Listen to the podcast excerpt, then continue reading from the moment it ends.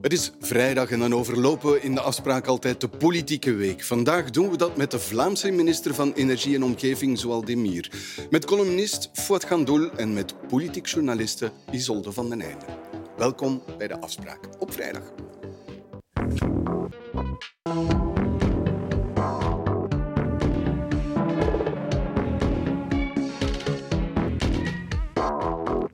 Goedenavond, Isolde van den Einde. Vanavond peiling bij DPG, dus dat wil zeggen VTM en het laatste nieuws.be.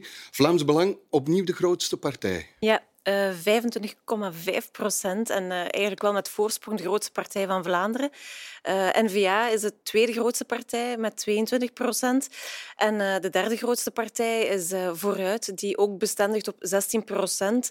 wat toch een grote vooruitgang is ten opzichte van de verkiezingen van 2019. En dan kom je bij dat uh, woelige midden, zal ik zeggen. Uh, ja. Centrumpartijen uh, zoals CD&V, Open VLD, uh, dat zijn geen elfjes meer, dat zijn zelfs geen tientjes meer, om het okay. zo te zeggen. Dus onder de tien... Onder de, ja, onder de tien procent, uh, met Open VLD uh, toch op een zeer groot dieptepunt met 9,3 procent en CD&V 9,6 procent. Dus, uh... Oké, okay, we maken het rijtje nog af. Uh, Groen, Groen, en PvdA volgen ja, nog. Dus dat is ook opvallend. Het verschil met die partijen die eigenlijk te boek staan als de, de echte kleine partijtjes, uh, wordt ook heel klein. Um, 8,7 procent voor Groen en 7,8 voor P van de A. Ja. Dus um, ja, die zitten eigenlijk heel, heel nauw bij elkaar. Um, en, en je ziet dat, het, ja, dat die grote traditionele partijen toch ja, steeds meer in de buurt komen van die mini-partijtjes. Een dwergpartijtje. Ja, en um, lange tijd heeft de Open VLD, laten we maar zeggen, geteerd op de populariteit ja. van de eerste minister, ja. Alexander De Croo. Uh, ik heb de top drie gezien. Hij staat daar niet meer in. Nee, klopt. Um, de populairste politicus, uh, of toch op de vraag uh, door wie voelt u zich het best vertegenwoordigd, dat is Conor Rousseau, de voorzitter van, van Vooruit. De tweede populairste politicus dan is Bart de Wever, voorzitter van N-VA. En de derde is de voorzitter van Vlaams Belang, okay. Tom van Grieken. En de premier tuimelt dus uit die top drie. En hij stond toch al heel lang in die, in die top drie. Hij is heel lang de populairste geweest. Die, aan die populariteit zag je dalen de voorbije maanden wel in onze peiling. En ja, nu is hij daar echt uitgetuimeld. Dus um, het vertrouwen in hem neemt wel af en in zijn regering. Dus dat is, uh, speelt allemaal samen uh, voor dat pijnlijke dieptepunt voor Open VLD, denk ik. En je ziet eigenlijk ook um, in die peiling ja, dat de partijen die besturen, er is maar eigenlijk maar één partij die vooruit gaat, hè, van alle regeringspartijen, ook aan Franstalige zijde trouwens.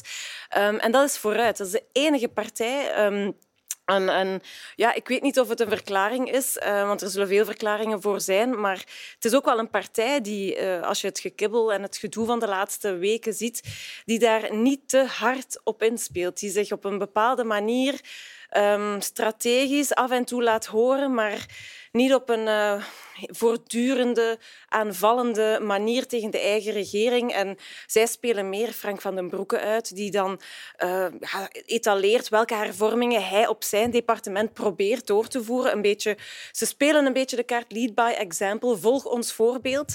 Um, ik weet niet of dat dan nu dat resultaat uh, tot gevolg heeft, maar je ziet daarin wel een verschil met andere partijen. Ja. Ja. Goedenavond, Fuad Kandoen. Hoe, hoe leest u de peiling? Ja, dat verlies van die centrumpartijen of een andere conclusie? Nee, het ligt een, een het verlengde van wat we verwachten. Consolidatie ter rechterzijde, verdamping in het midden en een, uh, en een opkomend, uh, opkomende um, kristallisatie ter linkerzijde. Dus het succes van Conor Rousseau is, uh, is, iets om zeer uh, van dichtbij te volgen. Dat is zeer interessant wat daar aan het gebeuren is aan de linkerzijde. Um, in het centrum, ja, dat zagen we eigenlijk al gebeuren. We zien dat daar dagelijks. En nu dat, uh, dat de premier ook uit de top drie wegvalt van de meest populaire politici, denk ik dat zenuwachtigheid op het hoofdkwartier nu toch wel stilletjes aan moet aanslaan. Ter rechterzijde, ja, eerlijk gezegd, je kunt daar eigenlijk niet van verschieten. Uh, gelet met alles wat er allemaal aan het gebeuren is. Dat ligt echt wel in de verwachtingen, zelfs al neemt jij de foutenmarge erbij. En waarom ligt dat in de verwachtingen? Goh, omdat het, uh, het, ongenoegen bijzonder hoog is, uh, bijzonder groot is uh, bij, de, bij, heel veel segmenten van de bevolking. Heel veel mensen zijn ontevreden over gevoerd beleid en dan wars over welk beleid, hè, want het is een, een meer een, een algemene sentiment. Mark Elgardus heeft daar trouwens naar verwezen in de knak waar hij dan verwijst naar Bart de Wever, waarin hij zegt wij naderen een Weimar-moment. Dus misschien wat dramatisch, bombastisch uitgedrukt, maar ik denk dat het wel capteert het gevoel dat leeft in de samenleving. Mensen zijn echt wel kwaad. Oké. Goedenavond, uh, Goedenavond. Ja, uw partij, niet de grootste partij, die strijd om het leiderschap lijkt beslist in het voordeel van Vlaams Belang. Ja, ik zou niet zeggen dat het beslist is. Marktleiderschap zal in 24 uitgesproken worden door eh, de kiezer zelf. Maar uh, dit bevestigt wel hetgeen wat ik uh, al even zeg, dat het beleid dat gevoerd wordt, zeker op federaal niveau, Vivaldi, dat dat uh, ja, de architect is voor een nieuwe Zwarte Zondag. En die tendens zit daar wel in de peiling. De mensen zijn inderdaad boos. Je moet niet ver gaan ja. om het te zien, maar zelfs bij uw directe middens. Die en twee me... kleine centrumpartijen maken ook deel uit van de Vlaamse regering, hè? Ja, maar als u kijkt... Dus uh... N-VA, CD&V en VLD, dat zijn ook die tweezelfde kleine partijen. Dat is niet alleen Vivaldi, dat is ook het beleid op het Vlaamse niveau. Nee, dat denk ik heel duidelijk niet. Als je kijkt naar uh, wat dat de mensen echt boos maakt, dat is uh, de asielcrisis uh, die niet opgelost geraakt. de werkende mensen die de begroting zien die bloedrood is. Dus u een staatssecretaris geen element heel... van het Vlaamse beleid ik, leidt tot een eventuele ik, nee, afstraffing nee, van die zeg, centrumpartijen? Ik zeg gewoon dat wat dat we zien op federaal niveau, dat, dat, dat er heel veel problemen zijn die niet opgelost geraken. Hervormingen die worden aangekondigd, beloftes die worden gemaakt. Europees gasplafond gaat daar komen. Uh, wij gaan uh, dat regelen in Brussel. Allee, Tine van der Straten, de premier, stonden voorop om dat te communiceren. Mensen hechten daar geloof aan. De begroting bijvoorbeeld. Ja, je hebt een staatssecretaris die met een bloedrode begroting naar het parlement gaat. Die zegt, kijk, dit, is, dit zijn de cijfers, wordt teruggefloten. wat denk ik ook heel veel ongenoegen brengt bij, bij de bevolking. Ja. en vandaar dat, ik, dat, ik, dat mijn pleidooi ook is van kijk, voer beleid, neem beslissingen, hervorm pensioenen, arbeidsmarkt. Uh, als we nu okay. vandaag de dag zien, de langdurige werklozen die hun uitkeringen wordt verhoogd en de werkende mensen hebben het gevoel wij moeten hier uh, alles gaan betalen. Ziet, ziet u het ook zo dat het alleen het federale beleid is dat zorgt voor die cijfers en niets ja. van het het is, het is heel moeilijk te distilleren, dus het is heel moeilijk te zeggen of de, deze uitslag nu de schuld is van Vivaldi en het is logisch dat mevrouw Demir dat uiteraard zegt. Eh, haar partij zit in de oppositie tegenover die regering.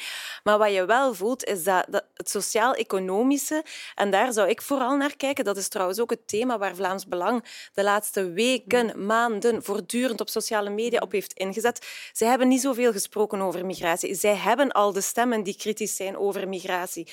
Waar het over gaat, is dat sociaal-economische. Heel veel facturen vallen nu nog in de bus. Mm. En dat zit vooral op het federale niveau? Ja, maar ik denk dat veel mensen ook, en er is hier aan deze tafel en overal ook al veel discussie geweest over wat mevrouw Demir aan de energiefactuur kan doen, wat de Vlaamse regering kan doen voor extra koopkracht. Er is het hele incident geweest rond de septemberverklaring en de kinderbijslag en het incident van CD&V.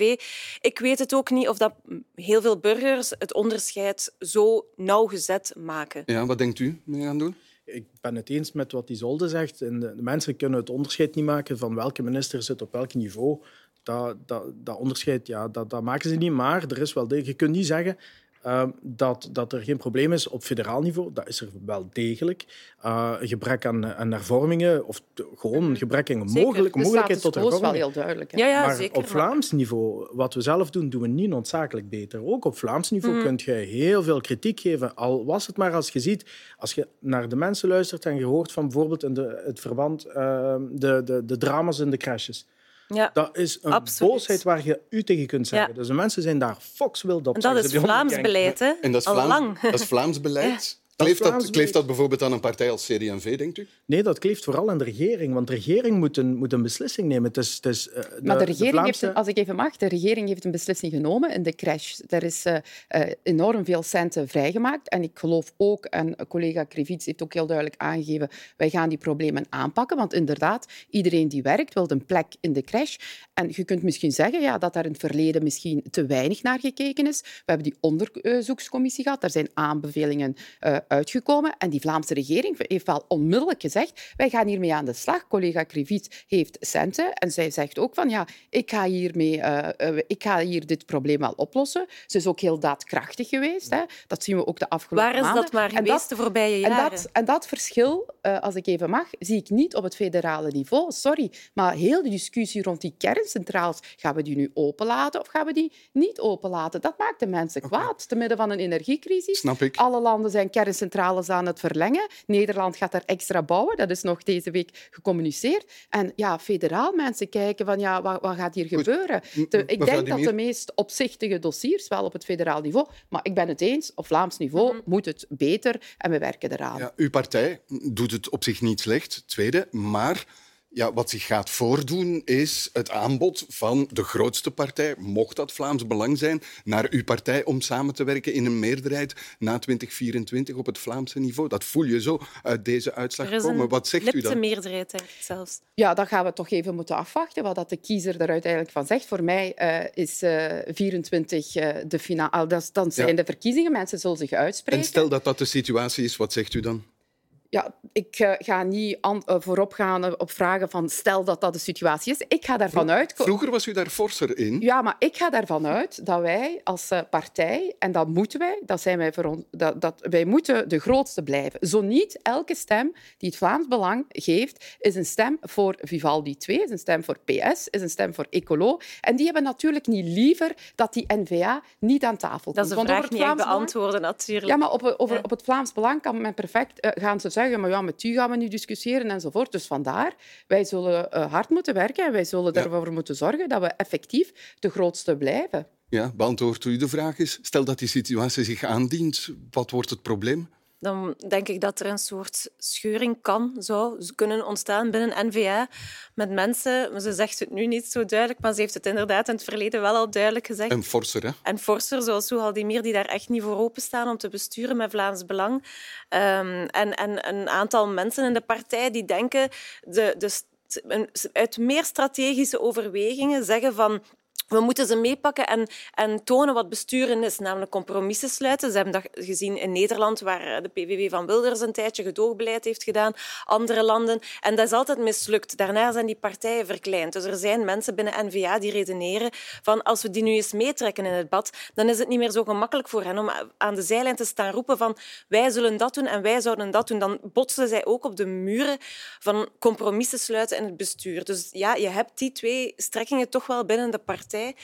Dus ja, ik ben benieuwd wat de uitkomst zal zijn. Mijn uh, voorzitter uh, en ik zelf ook hebben ons heel vaak uh, daarover uitgesproken. Het is ook het Vlaams Belang die heel duidelijk ook niet wil besturen. Als je ziet wie dat daarin zit in ja. zo'n partij, een Philippe de Winter, een Sam van Rooij, Dries van Langenhoven, excuseer, maar daar ben ik wel heel duidelijk over. Hè.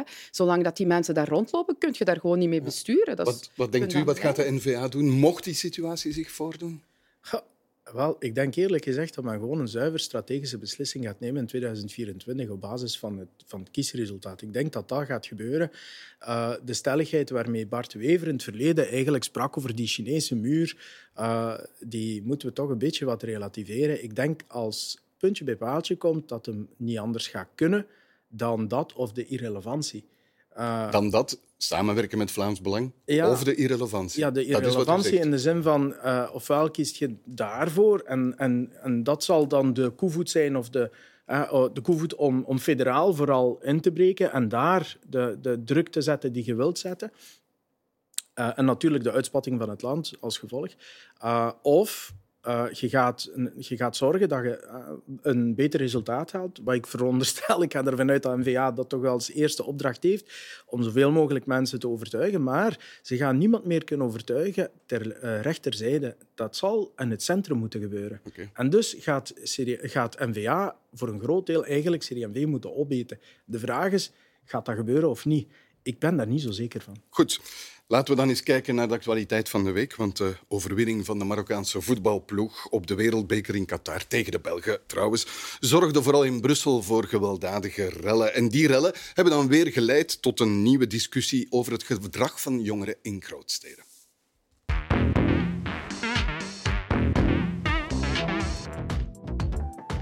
Mij, dat zijn is, sorry, dat is niet een supporter. Hè. Ze zijn bezig daar, ze zijn aanwezig daar, alleen voor incidenten. Alleen, het is alleen aan amokmakers, niet supporteren. Het gaat over bendes, het gaat over hooliganisme, die niet altijd noodzakelijk voetbalhooliganisme is, maar stedelijk hooliganisme is. Uh, en dus ik deel dat analyse wel. Het probleem maar... van bendes. Drie, vier generaties en nog steeds beschouwen de Marokkaan, een grote van de Marokkaanse gemeenschap dit land niet als het hunne. En ja, ik ben een beetje stout geweest. Ik heb dat het Marokkanen-probleem genoemd. Men gaat harder moeten optreden, men gaat streng moeten optreden. En eigenlijk de rotte appels uit die probleemwijken halen. Die probleemwijken, sociaal-economisch achtergestelde wijken, die gaan we moeten opkuisen. Men gaat daar streng op moeten zijn, politie meer wapens geven om te kunnen ingrijpen, maar ook, dat wil ik wel nog zeggen, zorgen voor beter onderwijs en een job voor al die gasten, zodat ze een perspectief hebben. Steden en lokale besturen kunnen een verschil maken bij zulke rellen. En ik denk dat het de taak is van Brussel en de Brusselse gemeente om dat nu ook effectief te doen. Maar vooral opvallend zijn deze beelden menselijke kettingen van Marokkaanse supporters om zo te vermijden dat enkele heethoofden voor meer conflicten zouden kunnen zorgen. Ja, beeld van gisteren. Opvallend initiatief, hè? Een ketting van, laten we maar zeggen, de oudere generatie die de jongere generatie verhindert om tot rellen te komen.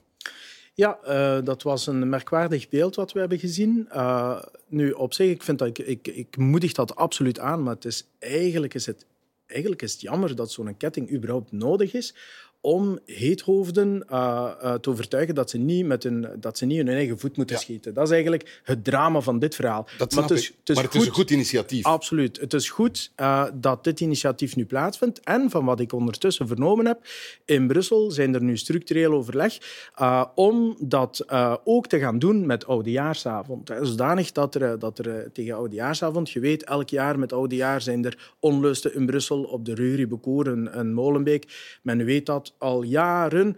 En de gemeenschap is eigenlijk de grootste slachtoffer. Want die gemeenschappen schreeuwen elke jaar, elk jaar van help ons, want dit is, wij willen dat niet, jullie willen dat niet en dit gebeurt.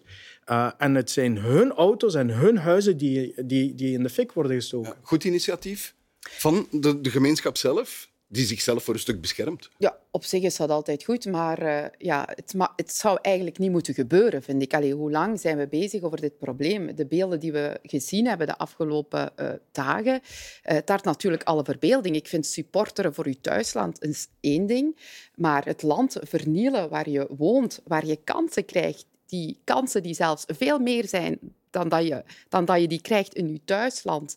Uh, en, uh, en dan uh, ja, die, die plunderingen en, en, en die auto's in de fik steken. Ja, ik vind dat gewoon onaanvaardbaar. Waarom, en dit probleem... waarom doen die jongeren dat volgens u? Hebt u daar een verklaring voor?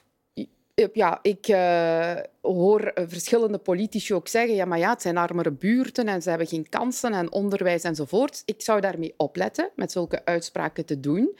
Want dit heeft eigenlijk niet, niet veel te maken met kansen. Ieder kan hier in dit land naar school gaan.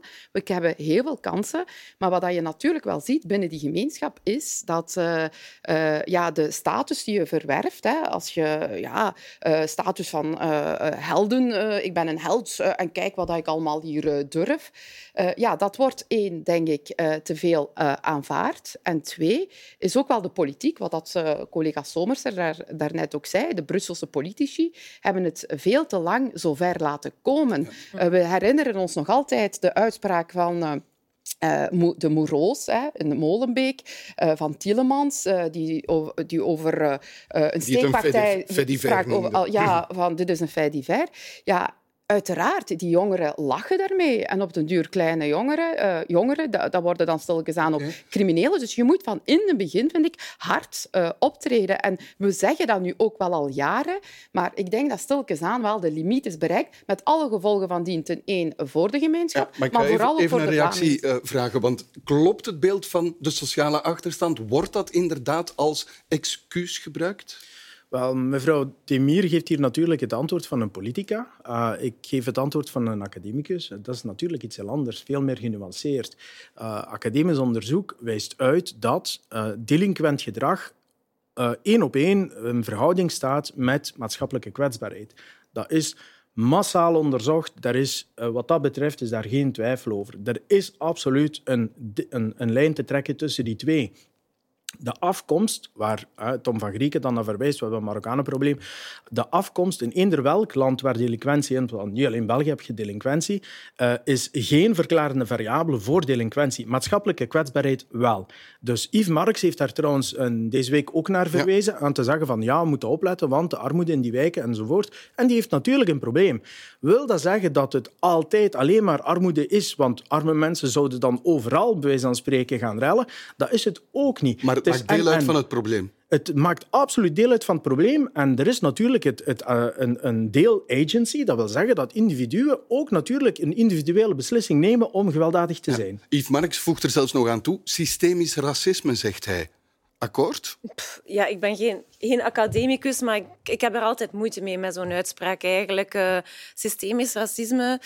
Uh, ik volg eigenlijk zo al die mieren leven in deze, want allee, alle jongeren, als ik Conor Rousseau hoorde zeggen, we beter onderwijs, beter onderwijs. Wij leven in België, iedereen heeft hier gelijke toegang tot onderwijs. We hebben geen public schools die er misschien slechter aan toe zijn en, en private schools, zoals in andere landen, die uh, echt het goede onderwijs bieden. Dus Onderwijs is open voor iedereen. Jobkansen, ik heb het ook even opgezocht. Er zijn 6.608 vacatures in Brussel. Uh, Zaventem, Zaventem roept om vacatures, um, uh, om dus jobs. u vindt mensen... het wel een excuus? U vindt het een te gemakkelijk excuus? Ik, ik, zeg, ik, ik geloof zeker dat het ermee te maken heeft, maar rellen en vandalisme is volgens mij ook niet voorbehouden, uh, die uiting, tot, tot mensen die in uh, kwetsbare uh, omstandigheden opgroeien. Ik denk niet dat elke hooligan in het voetbal iemand is die in armoede leeft. ik denk dat die mensen daarna soms gemakkelijk opgaan in het burgerlijke leven. Dus ik, ik, ik weet het niet of het zo'n één op één... Ja, ik ben geen academicus. Als onderzoek dat aantoont, wil ik dat best geloven. Maar het is zeker geen excuus, vind ik, om... om, om, om de boel kort en klein ja. te slaan. En wat ik vooral mis in heel dit debat is... Het benoemen is elke keer gebeurd en het gebeurt nu veel meer. Straffer en straffer en straffer. En dan ja, hoor je van die, van die paspartout-oplossingetjes. Wat, wat bedoelt u met het benoemen? Uh, de rellen, uh, ja, we hebben het daarnet gehoord. Hè. Het is uh, vandalisme, het, elk opkuisen. woord werd opkuisen. Het werd straffer en straffer. maar dat blijft hol klinken als je daar geen echte acties aan, aan verbindt. Ja, en, maar daar gaat het juist over. Het gaat over die acties. Wat moet je dan doen? Ja. Want je kunt natuurlijk bij de... De bij... minister van Justitie wil bijvoorbeeld supersnel recht.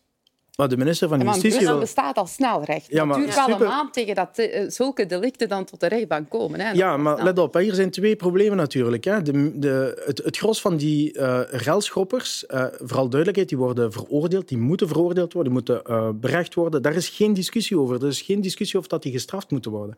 Maar het gros van de mensen, die, van de jongeren die daar boel hebben, ge, ge, rel hebben geschopt, die, die zijn administratief aangehouden. Het gerecht heeft daar niks mee te maken met administratieve aanhouding. Er is maar één gerechtelijke aanhouding Mm. gebeurd op die zondagavond. Eén. Uh, en dan uh, gisteren, gisteravond, zijn er een, een enkelinge administratief aangehouden. Dus er is, geen, er is geen link met justitie. Justitie gaat zich nu, moeit Dus zich niet... supersnelrecht zou Ja, zelfs niet wat gaat het helpen doen? hier, Ja, want dat is... Ja. Maar er is geen rol weggelegd voor justitie in dit verhaal. Ik bedoel, je- je kan zo snel gaan, je kan super, super, super, super snel recht doen.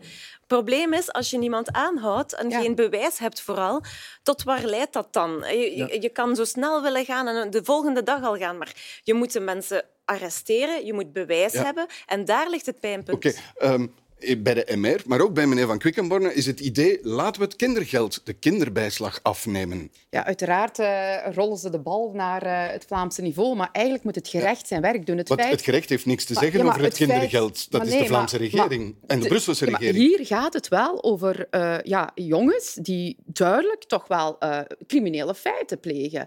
Het, allee, een auto een brand steken, vernielingen aanrichten, dat moet eh, aangepakt worden. En dat moet gerechtelijk aangepakt worden. En het feit dat er maar één iemand eh, gerechtelijk is aangepakt, dat maakt dat die kerels zich untouchable voelen. Dus justitie moet... eh, moet als sap eh, optreden en moet die berechten en nog Maar als er alleen administratief aangehouden is, Ja. kan het gerecht zelfs nog niet optreden. En dan heb je een tweede item, wat dat, Isolde van den Einde zegt, van ja, te weinig bewijzen. Ik verwacht ook wel een ieder, ieder, een, ieder van de gemeenschap die daar aanwezig is, dat die ook wel opstaan en dat die zeggen van die kerel hier, die moet, eh, ik heb dat gezien, die heeft dat gedaan, die moet worden aangepakt. Dat- en het dat verschil met Akkoord? Ja, dat gebeurt ook. Hoor. en het verschil met Vlaanderen, als ik ook nog mag zeggen, is dat wij dat wij in Vlaanderen een jeugddelinquentierecht hebben waar dat ouders, als we zien dat minderjarigen relschoppen, Dat is ouders, ouderlijke betrokkenheid. Minister Somers naar verwijst. Ja, Het maar verschil... Wallonië en Brussel heeft dat bijvoorbeeld niet. En ik denk dat dat ook iets is dat van in het begin, want je ziet ook vaak toch wel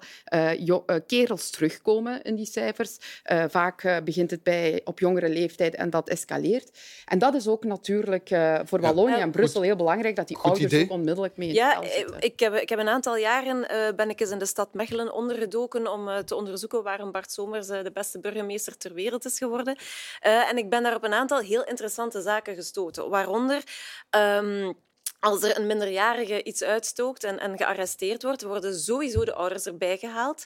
Eh, daar zit een maatschappelijk werker bij. En zij stellen ook altijd voor van, oké, als je een, ofwel dit is de boete, maar u moet de boete niet betalen als je je maatschappelijk in de maatschappij engageert. En heel veel steden hebben dat overgenomen, eh, ook in, in het buitenland. Rotterdam heeft dat ook overgenomen. Dus dat is wel iets dat, dat zeer zinvol is. Het is heel raar, want het, het aspect ouderlijke verantwoordelijkheid is al, al heel vaak gevallen in deze discussie. Ehm, en ik, ik begrijp dat ook, hè, want ouders moeten eh, voor hun kinderen zorgen en, en bestraffen indien nodig. Maar wat als die ouders het gewoon niet weten? Die zijn gaan werken, die, die hebben een, een drukke dag. En dan komen die kinderen uh, misschien s'avonds gewoon thuis, een keer met een schram, en dan zeggen ze... Oh, ja, goed, wat, wat moet je ervan denken?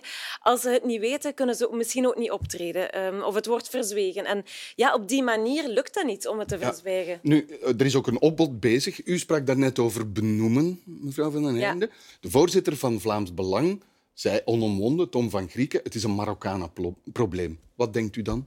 Ja, dat, dat, is, uh, dat is zuiver racisme. Er is niks anders op te zeggen. Dat is zuiver racisme. Dat is, dat is een, een maatschappelijk probleem enten op een hele bevolkingsgroep waarvan 99% niks mee te maken heeft. En dus voor die 1% gaat je een hele gemeenschap in het vizier nemen en gaat je zeggen, jullie deugt allemaal niet. Ja, dat is zuiver racisme. Dat kunnen, dat kunnen niet anders noemen dan dat. Akkoord? Het is straffend. Bijna niemand heeft dat gezegd in de politiek. Ja, ja daarom. Akkoord? Ja, ik uh, vind ook wel dat dat uh, net iets te ver gaat, maar je kan natuurlijk... U, u noemt het geen racisme, zoals ja, Fouad doet. Uh, nee, maar je kan wel niet ontkennen, vind ik, en dat keer op keer, of dat dan nu oudejaarsavond is, nu met de voetbal, er was geen enkel reden om die vernielingen aan te richten. In de zomervakantie, kijk naar de recreatiezones. Ja. Het zijn wel altijd dezelfde ja. kerels die okay, vanuit maar het Brussel gaat over het woord, Het gaat over het woordgebruik. Zeg je dan als politicus van een partij, voorzitter, dit is een Marokkanenprobleem. Zeg je dat dan? Nee, ik, ik zeg uh, heel duidelijk. Je kunt niet zeggen van ja, dat, uh, dat heeft uh, te maken met het Marokkaan zijn. Dat kun je niet zeggen, denk ik. Maar dat betekent moet, dat wel, hè? Ja, maar, ja, maar dat kan je niet zeggen. Hè? Dus daar wil ik wel duidelijk over zijn. Maar ik vind ook wel dat je niet moet ontkennen dat daar duidelijk een probleem ja. is. Mag jij hè? dat woord gebruiken hè? van u? Maar niemand ontkent ik, dat. Zou, ik gebruik het woord niet. Maar mag jij het gebruiken? Ik zeg gewoon wat dat ik zeg. ik, gebruik, ik zou het woord niet gebruiken. Maar niemand ontkent dat er een probleem is met de Marokkaanse gemeenschap. Niemand die dat nee. ontkent. De, meer, dan, meer dan 30 procent van de Marokkaanse gemeenschap leeft in armoede. Uh, ik heb er net al ge gezegd, verwezen naar wetenschappelijk onderzoek waaruit blijkt dat maatschappelijke kwetsbaarheid een heel belangrijke, belangrijke driver is van asociaal en subversief gedrag. Dat is een gegeven. Ja, dat wil ik, ik heb het moeite mee. Geen probleem, Want... ik wil u een hele waslijst aan bibliografie geven om je gemak om in te lezen, maar dit zijn feiten. Uh, dus je kunt dat niet zomaar uh, zeggen van, uh, te zeggen van ja, maar dat is specifiek één gemeenschap. Als jij bijvoorbeeld naar, naar Groot-Brittannië kijkt of je kijkt naar... Met dezelfde redenering zou je eigenlijk in Amerika moeten zeggen Amerika heeft een, heeft een zwarte probleem. Want de gevangenissen zitten vol met zwarte mensen, dus al die zwarte deugen niet. Uh, de, Amerika heeft een zwarte probleem. Probeer dat maar een keer eens te zeggen. Dan heb je... dat, dat, dat, is onwezenlijk om zoiets te zeggen. Dus ja. het heeft niks te maken met afkomst. Het heeft te maken met problemen die aanwezig zijn in die gemeenschap omwille van maatschappelijke ja. kwetsbaarheid. Wat vond u van die uitspraak van uh, de voorzitter van Vlaams? Ik vond dat uh, in, in een, typisch, een typisch scenario, zoals ik het al vaker zag, heel fors aan uh, uithalen, iets heel fors zeggen, met zo wat vinkjes op Twitter, hè, van zie daar zijn de Marokkanen slecht, daar, daar, daar. en achteraf zo, zegt de fractieleider in, in deze studio, oh, hij is wel stout geweest, hè. Oh, foei, foei. Hij heeft dat zo niet bedoeld. Uiteraard zijn niet alle Marokkanen slecht.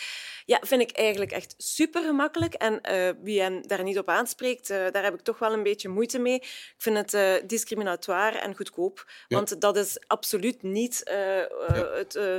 ja, behalve ja. dat je inderdaad mag en kan zeggen dat in die gemeenschap er duidelijk een probleem is. En Tuurlijk. waarom mensen erin meegaan, is omdat al die jongeren op dat moment ook met Marokkaanse vlaggen door de, door de stad liepen. De aanleiding is de overwinning. Mevrouw Demir veroordeelt het niet. Dus ik vond dat heel, heel opvallend. Wat, wat, hoe reageert u? Ja, ze is niet de enige. Ik, ik heb eigenlijk maar één partij deze week het horen veroordelen in eh, het politieke landschap en dat was de P van de A.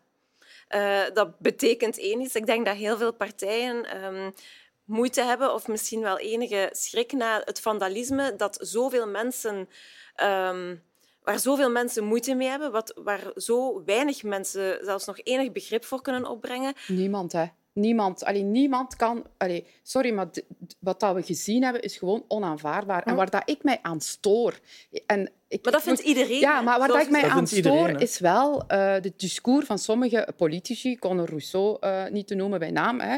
Eh, ja, je moet perspectief bieden. Sorry, dat aanvaard ik niet. Ik vind... Hij heeft ook gezegd Ja. dat er opgekuist moet worden in groepjes met allochtone jongeren. Heeft hij Ja, letterlijk dat, ook gezegd. uiteraard. En, en, en het gerecht moet zijn eh, werk ook doen. Ik vind echt wel, eh, ja, van zodra dat, eh, dat er rechterlijke uitspraken komen, geen- dan gaan die gasten zich ook niet meer zo untouchable voelen. Maar zeggen dat er geen werk is s'avonds aan de luchthaven, die zoekt volk tot en met, dat is niet ver van hier. dat, heeft, dat is ook geen Marokkanen... Ja, maar wacht even. Dat is geen Marokkanenprobleem, want niet alleen de Marokkanen wonen in Brussel, maar, maar al de rest ook. Uh, en al de rest vindt blijkbaar ook de weg niet naar Saventem en, and en anderen. Dus de autochtonen in Vlaanderen en in Brussel die werkloos zijn, vinden blijkbaar ook een we weg niet naar Saventem. Dus er is een ander probleem van een heel andere orde op vlak van arbeidsmarkt in Brussel die gewoon niet werkt. En dan heb je natuurlijk het failliet van de instellingen, zoals uh, de VDAB, de, de, de Franstalige versie, uh, die, die daar niet in slaagt om dat reservoir aan te spreken voor, voor de tewerkstelling zowel in Zaventem als elders in Vlaanderen, voor mijn part. Maar dat is, het, is, het is kort door de bocht te zeggen van, we gaan ze, uh, als je alleen maar de stok hanteert, dat je daarmee het probleem oplost. Niemand gelooft dat die, uh, die enige ervaring heeft op het terrein. Niemand die dat gelooft. Als je denkt dat je alleen maar met processen verbaal en, en, en gerechtelijke nee, vervolgingen... Nee, ik, ik maar, bedoel gewoon, er zijn hier voldoende kansen. We kunnen met z'n allen naar school gaan. We kunnen met z'n allen een diploma gaan halen. We kunnen met z'n allen gaan werken. De werkgevers hebben op dit moment echt geen reden om te gaan discrimineren, want ze vinden gewoon niemand. En ja, dat en bedoel toch is ik. er een probleem. En, en de, dus... Ja, de, de, het probleem is dat die jongeren, dat die gasten zich untouchable voelen. Het gerecht moet gaan straffen, moet harder optreden. Okay. En er moet ook, dat, het probleem moet ook Nog- worden uitgesproken. Ja, maar Nog een Stijn, laatste, laatste, laatste reactie, uh, meneer Gandoel. Want ehm, stoort dat woord in de Marokkaanse gemeenschap? U, u, u leeft in die Marokkaanse ge- eh, gemeenschap. Is dat een woord dat u noemt het racisme? Is dat iets waar de hele gemeenschap op die manier naar kijkt? Uh, ja, absoluut. zich daar ook aan, denk ik, tuurlijk, heel de Marokkaanse Ah, ja. gemeenschap. Ik spreek niet namens de Marokkaanse gemeenschap. Ik ben Nee, nee. geen Maar vertegenwoordiger van de Marokkaanse gemeenschap, maar ik kan me heel goed inbeelden dat iedereen zegt van, nou, potverdikke, uh, wij wonen hier, we zijn, we zijn hier geboren. Jij bent van. Genk, ik ben van Genk, we zijn geboren in Genk. Als, er iemand, ons als iemand tegen u zou zeggen, je bent een Koerdische en je bent alleen maar Koerdische, dan gaat het natuurlijk op je achterste poot staan. En wel, tegenover, tegen mij gaat dat hetzelfde zijn. Als iemand gaat zeggen, ja, maar je bent eigenlijk een, ja, een Marokkaan, je hoort niet bij de groep. Uh, excuseer, ik ben hier geboren en getogen. Mm. En die jongens waar het hier over gaat, zijn, Zijn Brusselse ook jongens. Ja, zijn, Ja, ja, de er- meerderheid van de allochtone gemeenschap ergert zich blauw aan het Absoluut. gedrag van die gasten. Hoor. Neem dat maar van mij aan. Goed, laten we dan eens kijken naar de Vlaamse regering. hè? Want eh, ook daar die heeft enkele weken geleden beslist om de hoogspanningslijn Ventilus bovengronds aan te leggen. Maar dat is niet het enige moeilijke dossier waarover ze op korte tijd zal moeten beslissen. Er is een mest, mestactieplan liever op komst. Er is een bouwshift op komst. En het stikstofdossier komt in een beslissende fase.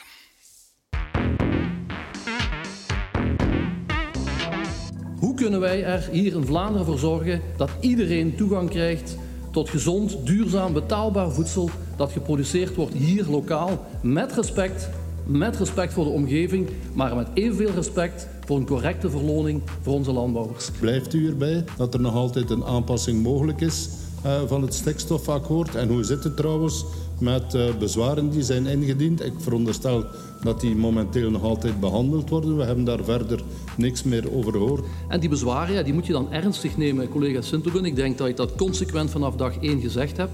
En bezwaren ernstig nemen, ja, dat kan inderdaad betekenen dat je op basis van die bezwaren aanpassingen zal moeten doen. Voer nu eindelijk eens beleid voor al die landbouwers, voor al die mensen die inzitten met natuur. Dat is wat de Vlamingen van u verwachten. Um, en ze wachten niet op twee vechtende kemphanen. Bovendien, nog veel belangrijker, zegt de Raad van State, ja maar hola hola. Als jij gaat ingrijpen bij de groene stroomcertificaten voor zonnepanelen, dan moeten dat ook bij de andere hernieuwbare energie doen. Voor de bedrijven is een van de grote problemen rechtszekerheid. Eh, dat is niet enkel voor groene stroomcertificaten, dat is voor alles wat dat bedrijven doen. Ja, mevrouw Dimier, 20.000 bijna bezwaarschriften over het stikstofplan. Ze zijn verwerkt. Wat zijn de belangrijkste bezwaren? Ja, ik denk, uh, het gaat over een heel belangrijk dossier. Logisch dat er heel veel bezwaren zijn. Uh, die, worden ook, uh, die zijn ook verwerkt. En op dit moment zijn we dat aan het bespreken ook in de u kan, van de U kan daar nu nog niks over zeggen wat ja, de belangrijkste ja, bezwaren zijn. Het zou een beetje raar zijn als ik in deze studio zou komen zeggen van, ja, wat dat de bezwaren zijn. We weten allemaal, ja, de ene kant vraagt versoepelingen. De, de, langs de kant van de landbouworganisaties en langs de kant van de natuurorganisaties zijn er ook heel veel bezwaren. Die zeggen, ja, maar het moet strenger. dus vandaar vandaar dat we ook altijd uh, hebben gezegd van als er juridische problemen zijn, want het uh, stikstofkader moet juridisch robuust zijn, want uh, we moeten vermijden dat als men naar de rechtbank gaat om het aan te vechten, dat dit stand houdt. en dat betekent, als er juridisch-technische aanpassingen nodig zijn om het robuuster te maken, dat we dat wel eruit zullen halen. Maar zeggen dat we inhoudelijk nog terug de discussies die we een jaar geleden heel lang in de schoot van de regering hebben gedaan, ja, die discussies hebben al gevoerd. Maar uiteraard, er zijn uh, bezwaren, openbaar onderzoek. En die, we zijn nu aan het kijken hoe kunnen we het kader nog juridisch beter maken, dicht te Oké, okay, laat ik eens even... Er is een rode lijst met bedrijven die zullen moeten sluiten. Gaat die lijst veranderen? Zullen daar andere bedrijven op komen na deze bezwaarschriften? Ja, ook dat, uh, zullen we, allee, dat zijn we ook aan het uh, bespreken, de schoot van de regering. Ik ga dat hier nog niet uh, vertellen, maar, maar, we weten wel... Is het mogelijk is het of is het uitgesloten dat dat gebeurt? Ja, we hebben een scenario uitgekozen. Dus er waren heel veel scenario's voor dat stikstof uh, berekend. Scenario uh, 8, uh, die we hebben uitgekozen, spreekt ook over piekbelasters. Dus uh, ja, diegenen die heel veel uitstoten, om, als die aan een drempel zitten, om die te sluiten. Dus als we nu zeggen, wij gaan, daar, wij gaan niks meer doen, wij gaan al die piekbelasters laten draaien, ja, dat betekent eigenlijk dat je helemaal terug vanaf moet beginnen. Ja. Dus dat kan niet. Maar om de rode lijst, en dat heb ik ook altijd gezegd, als er uh, bezwaren zijn, als we het kunnen uh, juridisch wat uh, beter maken, dan zullen we dat ja, doen. De minister van Landbouw, Jo Broens, heeft gezegd in het Nieuwsblad, het moet aangepast worden. Ja, we zullen... Ik, ik, ga, ik ga zover geen uitspraken doen. U zegt niet het omgekeerde ja, we hebben...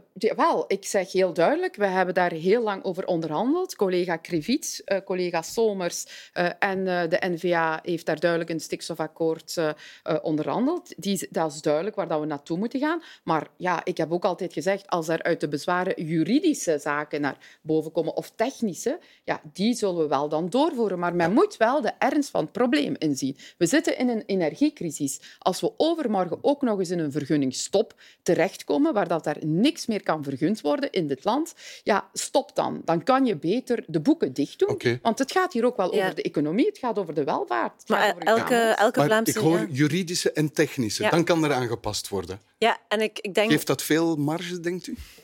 Het is te zien hoe je dat interpreteert. Ik denk, als ik zelf, ik ben geen jurist, hè, voor de duidelijkheid, maar als ik gewoon met mijn basiskennis naar iets kijk, bijvoorbeeld een foto nemen op basis van 2015 en geen rekening houden met hoe landbouwbedrijven zich hebben aangepast en welke vergunningen ze van de overheid nog hebben gekregen nadien, ja, juridisch lijkt dat mij een beetje wankel. Ik, ik zit hier naast een jurist die het misschien beter zal kunnen zeggen, maar dat is wel mijn aanvoelen. Dat kan wel invloed hebben, denk ik, zou ik dan durven ja. als gevolgtrekking zeggen, op bepaalde bedrijven. Want het is duidelijk, binnen die Vlaamse regering CD&V en Open VLD aan de ene kant, die vragen aanpassingen. Ik verwijs naar Joop Broens, ja. minister van Landbouw. En aan de andere kant de minister ja, van Omgeving, alle, die zegt... Alle, wat dat positief is, is dat eigenlijk alle drie de regeringspartijen wel overtuigd zijn dat er iets moet gebeuren. Het gaat echt over de uitwerking. Um, is die juridisch robuust. En we hebben toch wel al een aantal gevallen gezien waar het niet zo was, um, waarbij vergunningen zijn verleend geweest en, en, er heel veel discussie is over, ja, ook, en dat is dan een uh, discussie die daarop uh, volgt, is het vertrouwen in die, in die overheid. Hoe ver kan je die Vlaamse overheid wel vertrouwen in wat ze zegt en doet? Dat komt in het dossier heel vaak naar boven. Er is vanuit de overheid gezegd, je mag vergunnen, je mag uitbreiden. Enkele jaren later wordt dat ingetrokken. Ja, ik denk dat, dat dat ze, als ze dit doorvoert, dat er echt geen enkele discussie mag zijn nadien. Oké. Speelt dat in de Limburgse politiek, meneer Gandoel? Je hebt Jo Broens, Limburger, minister van Landbouw, CD&V. Aan de andere kant, minister Dimier. Maar het stikstofdossier is eigenlijk relevant voor heel Vlaanderen natuurlijk. Hè. Tussen alle, alle rurale gebieden waar, waar je landbouwers hebt. En tussen die twee partijen tussen die twee partijen, maar ik denk niet dat uh, dat, dat zo, zo sterk speelt bij ons in Limburg. Uh, Limburg en uh, West-Vlaanderen zijn twee rurale gebieden, twee rurale provincies, waar CD&V sinds van oudsher heel sterk staat, stond, gaat dat nog zo zijn in de toekomst? De toekomst zal het uitwijzen. We zullen zien wat de peilingen, of dat die bewaarheid worden. Maar uh, ik, heb me, ik heb hier twee bedenkingen bij, bij dat verhaal van de stikstof. Het eerste is het technisch verhaal natuurlijk.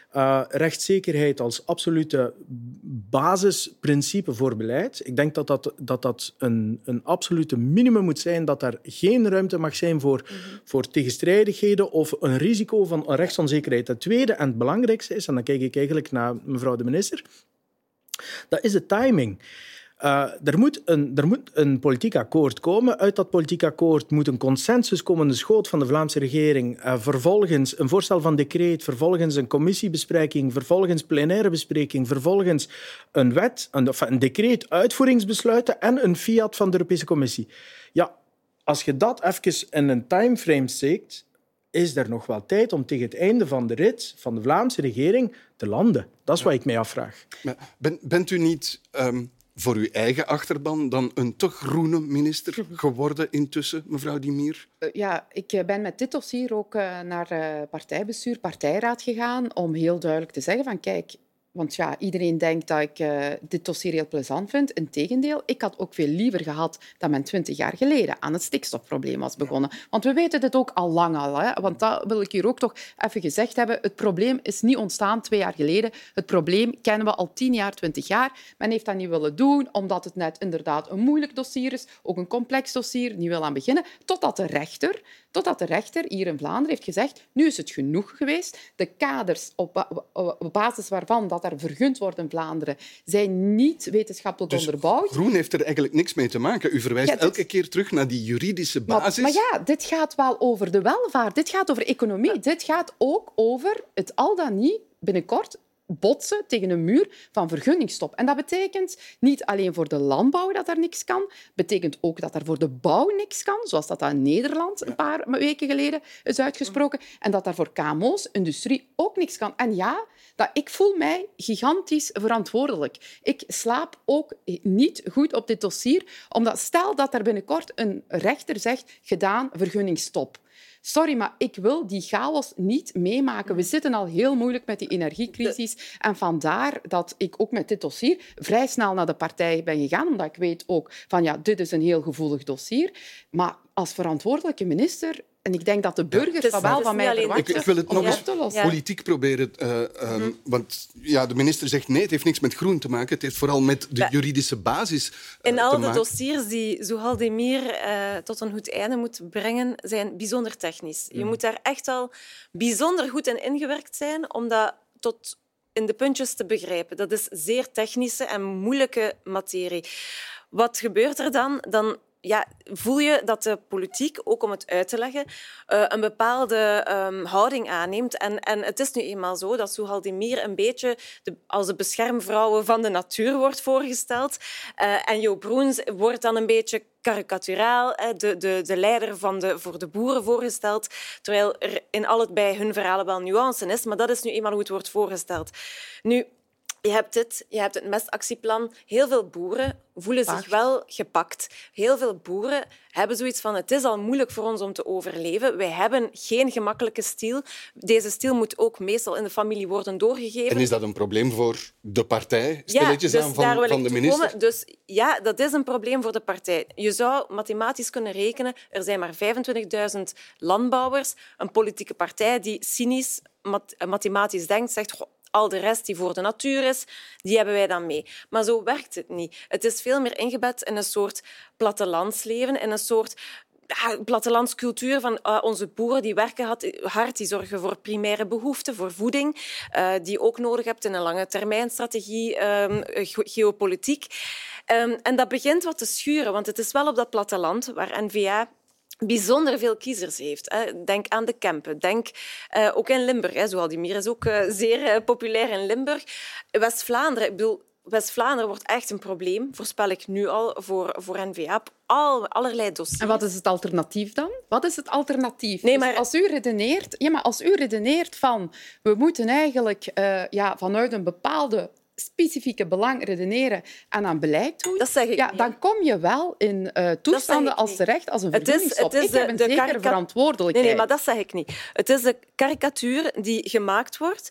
De bescherming ja, die jullie maken, die de kranten maken, die de journalisten maken. Want bijvoorbeeld in pacht, in pacht hebben wij, ja, daar hadden ook heel veel kranten eerst over geschreven. Ja, maar de NVA en de CD&V gaat nooit tot een vergelijk komen. Dat gaat nooit gemoderniseerd geraken. En ja, er was een akkoord. Maar hoeveel kranten hebben dat geschreven? Wel kiezers van NVA Geen enkele krant heeft dat die geschreven. hard werken, die elke dag van 9 tot 5 gaan werken, die sparen, die het gewone leven, die niet te veel betutteling en regels uh, verdragen van de overheid. Um, Welke betutteling voer ik dan in? Dat wil ik wel voelen op die dossiers, op hun plattelandsleven, waardoor het botst. Zou het kunnen dat er een, een kaper op de kust is als twee partijen vechten voor een been? In dit geval dat Vlaams Belang met die stemmen van de boeren en het platteland gaat lopen. Ja, maar dat is nu al het geval. Hè? Dat is al het geval. Dat is, dat is al het geval. Hè? De, de stem van de boeren zit voor een groot deel eigenlijk bij Vlaams Belang. Dus dat is eigenlijk uh, een chimère, zeggen ze in het Frans. Uh, als je denkt dat je daarmee electoraal gaat scoren, bonne chance. Maar uh, ja, ik, ik zie het nog altijd niet zo meteen gebeuren. Vooral omdat CD&V natuurlijk zeer gevoelig is voor die stem op het platteland. Uh, daar moet een akkoord komen in de schoot van de Vlaamse regering, want die beslissen bij consensus. Dus dat gaat nog een heel harde borrel zijn om daar uiteindelijk tot een compromis te ja, komen. Maar ik ben er wel van overtuigd dat we daar zullen in komen. En ik vind het ook wel jammer dat men telkens een onderscheid maakt van platteland tegen stad.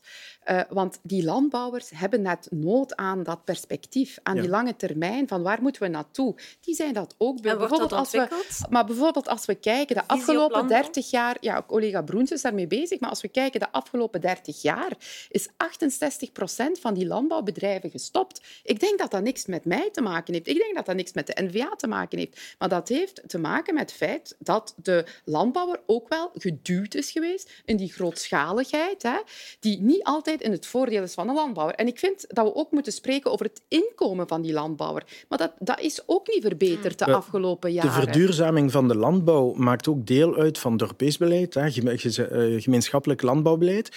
Uh, tenzij ik mij vergis, heeft uh, Jo Broens daar ook een advies gevraagd van de Europese Commissie.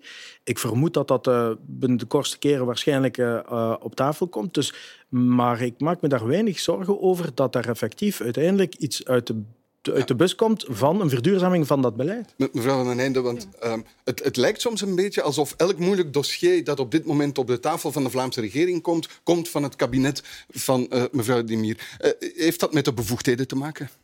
Voor een deel, absoluut. Of met de persoon? Voor een deel. Ik ga, de, ik ga het uitleggen. Voor een deel moet Zohaldemir effectief heel veel uit het verleden oplossen. Zaken die zijn blijven sluimeren en waar eigenlijk nooit beslissingen in genomen zijn. En terecht zegt ze, pachtwetgeving beslist, is echt jaren, heeft hij in regeerakkoorden gestaan en is inderdaad opgelost. Daar hebben CD&V en N-VA echt wel een deal ja, in gevonden. gevonden. En dat is ook zeer technisch en te weinig belicht, maar het is wel gebeurd. Um, Ventilus? Ventilus ook. Dus er gebeuren wel zaken op dat, op dat domein waar ik dan wel geloof dat ook zelfs zo'n dossier tot een goed einde kan komen, zoals stikstof. Maar voor een ander deel denk ik dat Zoaldemir het zichzelf vaak wat moeilijk maakt. Door bijvoorbeeld bepaalde beslissingen te nemen die juridisch zeer moeilijk zijn en soms ja, lastig ogen of zeer hard daarop communiceert waardoor ze daarop gepakt wordt en, en minder op de Op de communicatie bedoelt u? Ja, op de communicatie. De groene stroomcertificaten, is daar misschien een voorbeeld van? Um, ja, ik, ik ben ook... Allee, je zou misschien kunnen denken dat er een gemakkelijkere oplossing is. Ik weet zeker dat haar kabinet een gemakkelijkere oplossing wel zou gevonden hebben. Maar de groene stroomcertificaten is iets dat ik denk van... Oké, waarom kom je daar pas in het midden van een legislatuur uh, mee af? Dat is iets dat al lang sluimert. Um, en... en het is gewoon ook een heel moeilijk dossier. En, en ook daar zit je met een, een gevoel van dat vertrouwen in een overheid. Ook al steun ik elke stap van een regering die oversubsidiëring aanpakt. Um, heb je daar toch wel een gevoel van, oké, is het niet uh, arbitrair hoe dat ze keuzes ja. maakt? Um, ja, u, u wordt gepakt op de communicatie. Ja. U, u, communiceert te voortvarend. Uh, ja, er wordt veel geschreven over mijn communicatie en over mijn temperament. Dat is iets dat leeft in de bubbel van de wedstraat. Ik denk dat de Dorpstraat daar zijn oordeel over zal vellen. Dus de 24 uh, zal de kiezer U bent er gerust. Ja, maar de, ik, moet, ik, allez, ik ga mij niet vastpinnen op artikels die zeggen maar de stijl en de communicatie en dit en dat. Sorry, nee, ik doe dat niet. Uh, twee, als het gaat over de groene stroomcertificaten, als ik daarover mag. Iedereen heeft zijn mond vol van ja, maar ja, die energiefactuur dat is veel te veel. Er zitten heel het gaat veel over de grootverbruikers. Het gaat ja, over de grootverbruikers, zoals bijvoorbeeld Fernand Huts, die nog altijd subsidies krijgt voor de zonnepanelen die op het dak liggen, ondanks het feit dat ze afgeschreven ja, er, er is in het verleden een foute beslissing genomen om dat te veel te gaan oversubsidiëren. Dat komt allemaal in onze energiefactuur terecht. En de vraag is, moet de minister achteroverleunen of moet ze effectief dat vastpakken en hervormen? Nee, ik heb daar niet mee zwaar. gewacht. Maar ik heb daar niet mee gewacht. Ik was al lang al op zoek naar een juridisch goeie, uh, uh, een goed, goede juridische fundering voor zo'n voor zo'n hervorming te doen. Want het gaat over heel veel centen, het gaat over meer dan een miljard. En we weten dat men klaar staat om het neer te sabelen. Dus we zijn daar heel lang geleden mee begonnen. En iedereen zei, ja, maar dat is uh, rechtsonzeker en dat is contractbreuk. Daar heeft uh, de Raad van State heel duidelijk een advies in gegeven. Dit is geen contractbreuk, heeft de Raad van State gezegd. En dit uh, schendt ook het vertrouwelijkheidsbeginsel niet. Wat dat de Raad van State wel heeft gezegd, en daar, dat stond ook in het persbericht, is omdat ik een onderscheid maak. Inderdaad, ik wil de ja. grote zonnepaneeleigenaars aanpakken en niet de, niet de kleinere. dat onderscheidscriterium dat we gebruikt hebben, is oké. Okay, maar, zegt de Raad van State, akkoord, dat moet beter ge uh, gemotiveerd worden. En dan gaan we dat ook wel doen. En hebt u, de, hebt u daar dan vertrouwen in? Wel, wat ik in dit hele verhaal eigenlijk bijzonder uh, opmerkelijk vind, is dat effectief... Want ook Annemie Turtelboom heeft het geprobeerd en Zoaldimir staat Zij nu is nooit een paar... met een decreet naar de, nee, nee, naar dus de ik ging regering net of naar de zij Raad staat nu al een paar geweest, stappen verder. Maar wat een beetje politiek absurd is, als je vijf stappen achteruit zet, is dat, een, dat Zoaldimir eigenlijk moet zeggen ah, de staatssteun die mijn Vlaamse regering, waar N-VA eigenlijk al 18 jaar in zetelt, um, is eigenlijk uh, fout geweest en probeert ze nu uh, ja, echt zo te bestempelen als illegale staatssteun. Ja, dat is Maar eigenlijk ik- een beetje bijzonder, want ja, Ja, dat maar is ik beschouw wel... dat niet. Hè. De Raad van State heeft ook wel Ja, maar- heel duidelijk gezegd dat het hier gaat over staatssteun. Dat dat, Ja, maar eh, dat is uw argument om het erdoor te krijgen. Ja, natuurlijk. maar dit is, dit is wel oké bevonden. Dus, en ik heb ook wel zoiets van, mag het? De, de eh, journalistiek, de kranten, de media zijn allemaal verontwaardigd. En, de, en die oversubsidies, en, en dat kan toch niet. En weinig hervormingsgezindheid eh, bij die politici. Ja, sorry, inderdaad. Ik ga niet achteroverleunen. Eh, ik denk dat van mij wordt verwacht dat ik het juiste doe. Ik steek mijn nek uit, maar dat verwachten de burgers. En als je dat niet doet, hè, dan maakt de mensen thuis boos. En inderdaad, dan stemmen ze op extreme. Ja, goed. We zijn aan het einde van deze afspraak op eh, vrijdag. En daarmee is opnieuw een politieke week netjes neergelegd. En zoals altijd dank ik mijn gasten voor de deskundige hulp daarbij. Zowel Demir Fouad-Gandoul en Isolde van den Einde. En u, dames en heren, dank dat u er opnieuw bij was. Tot volgende week.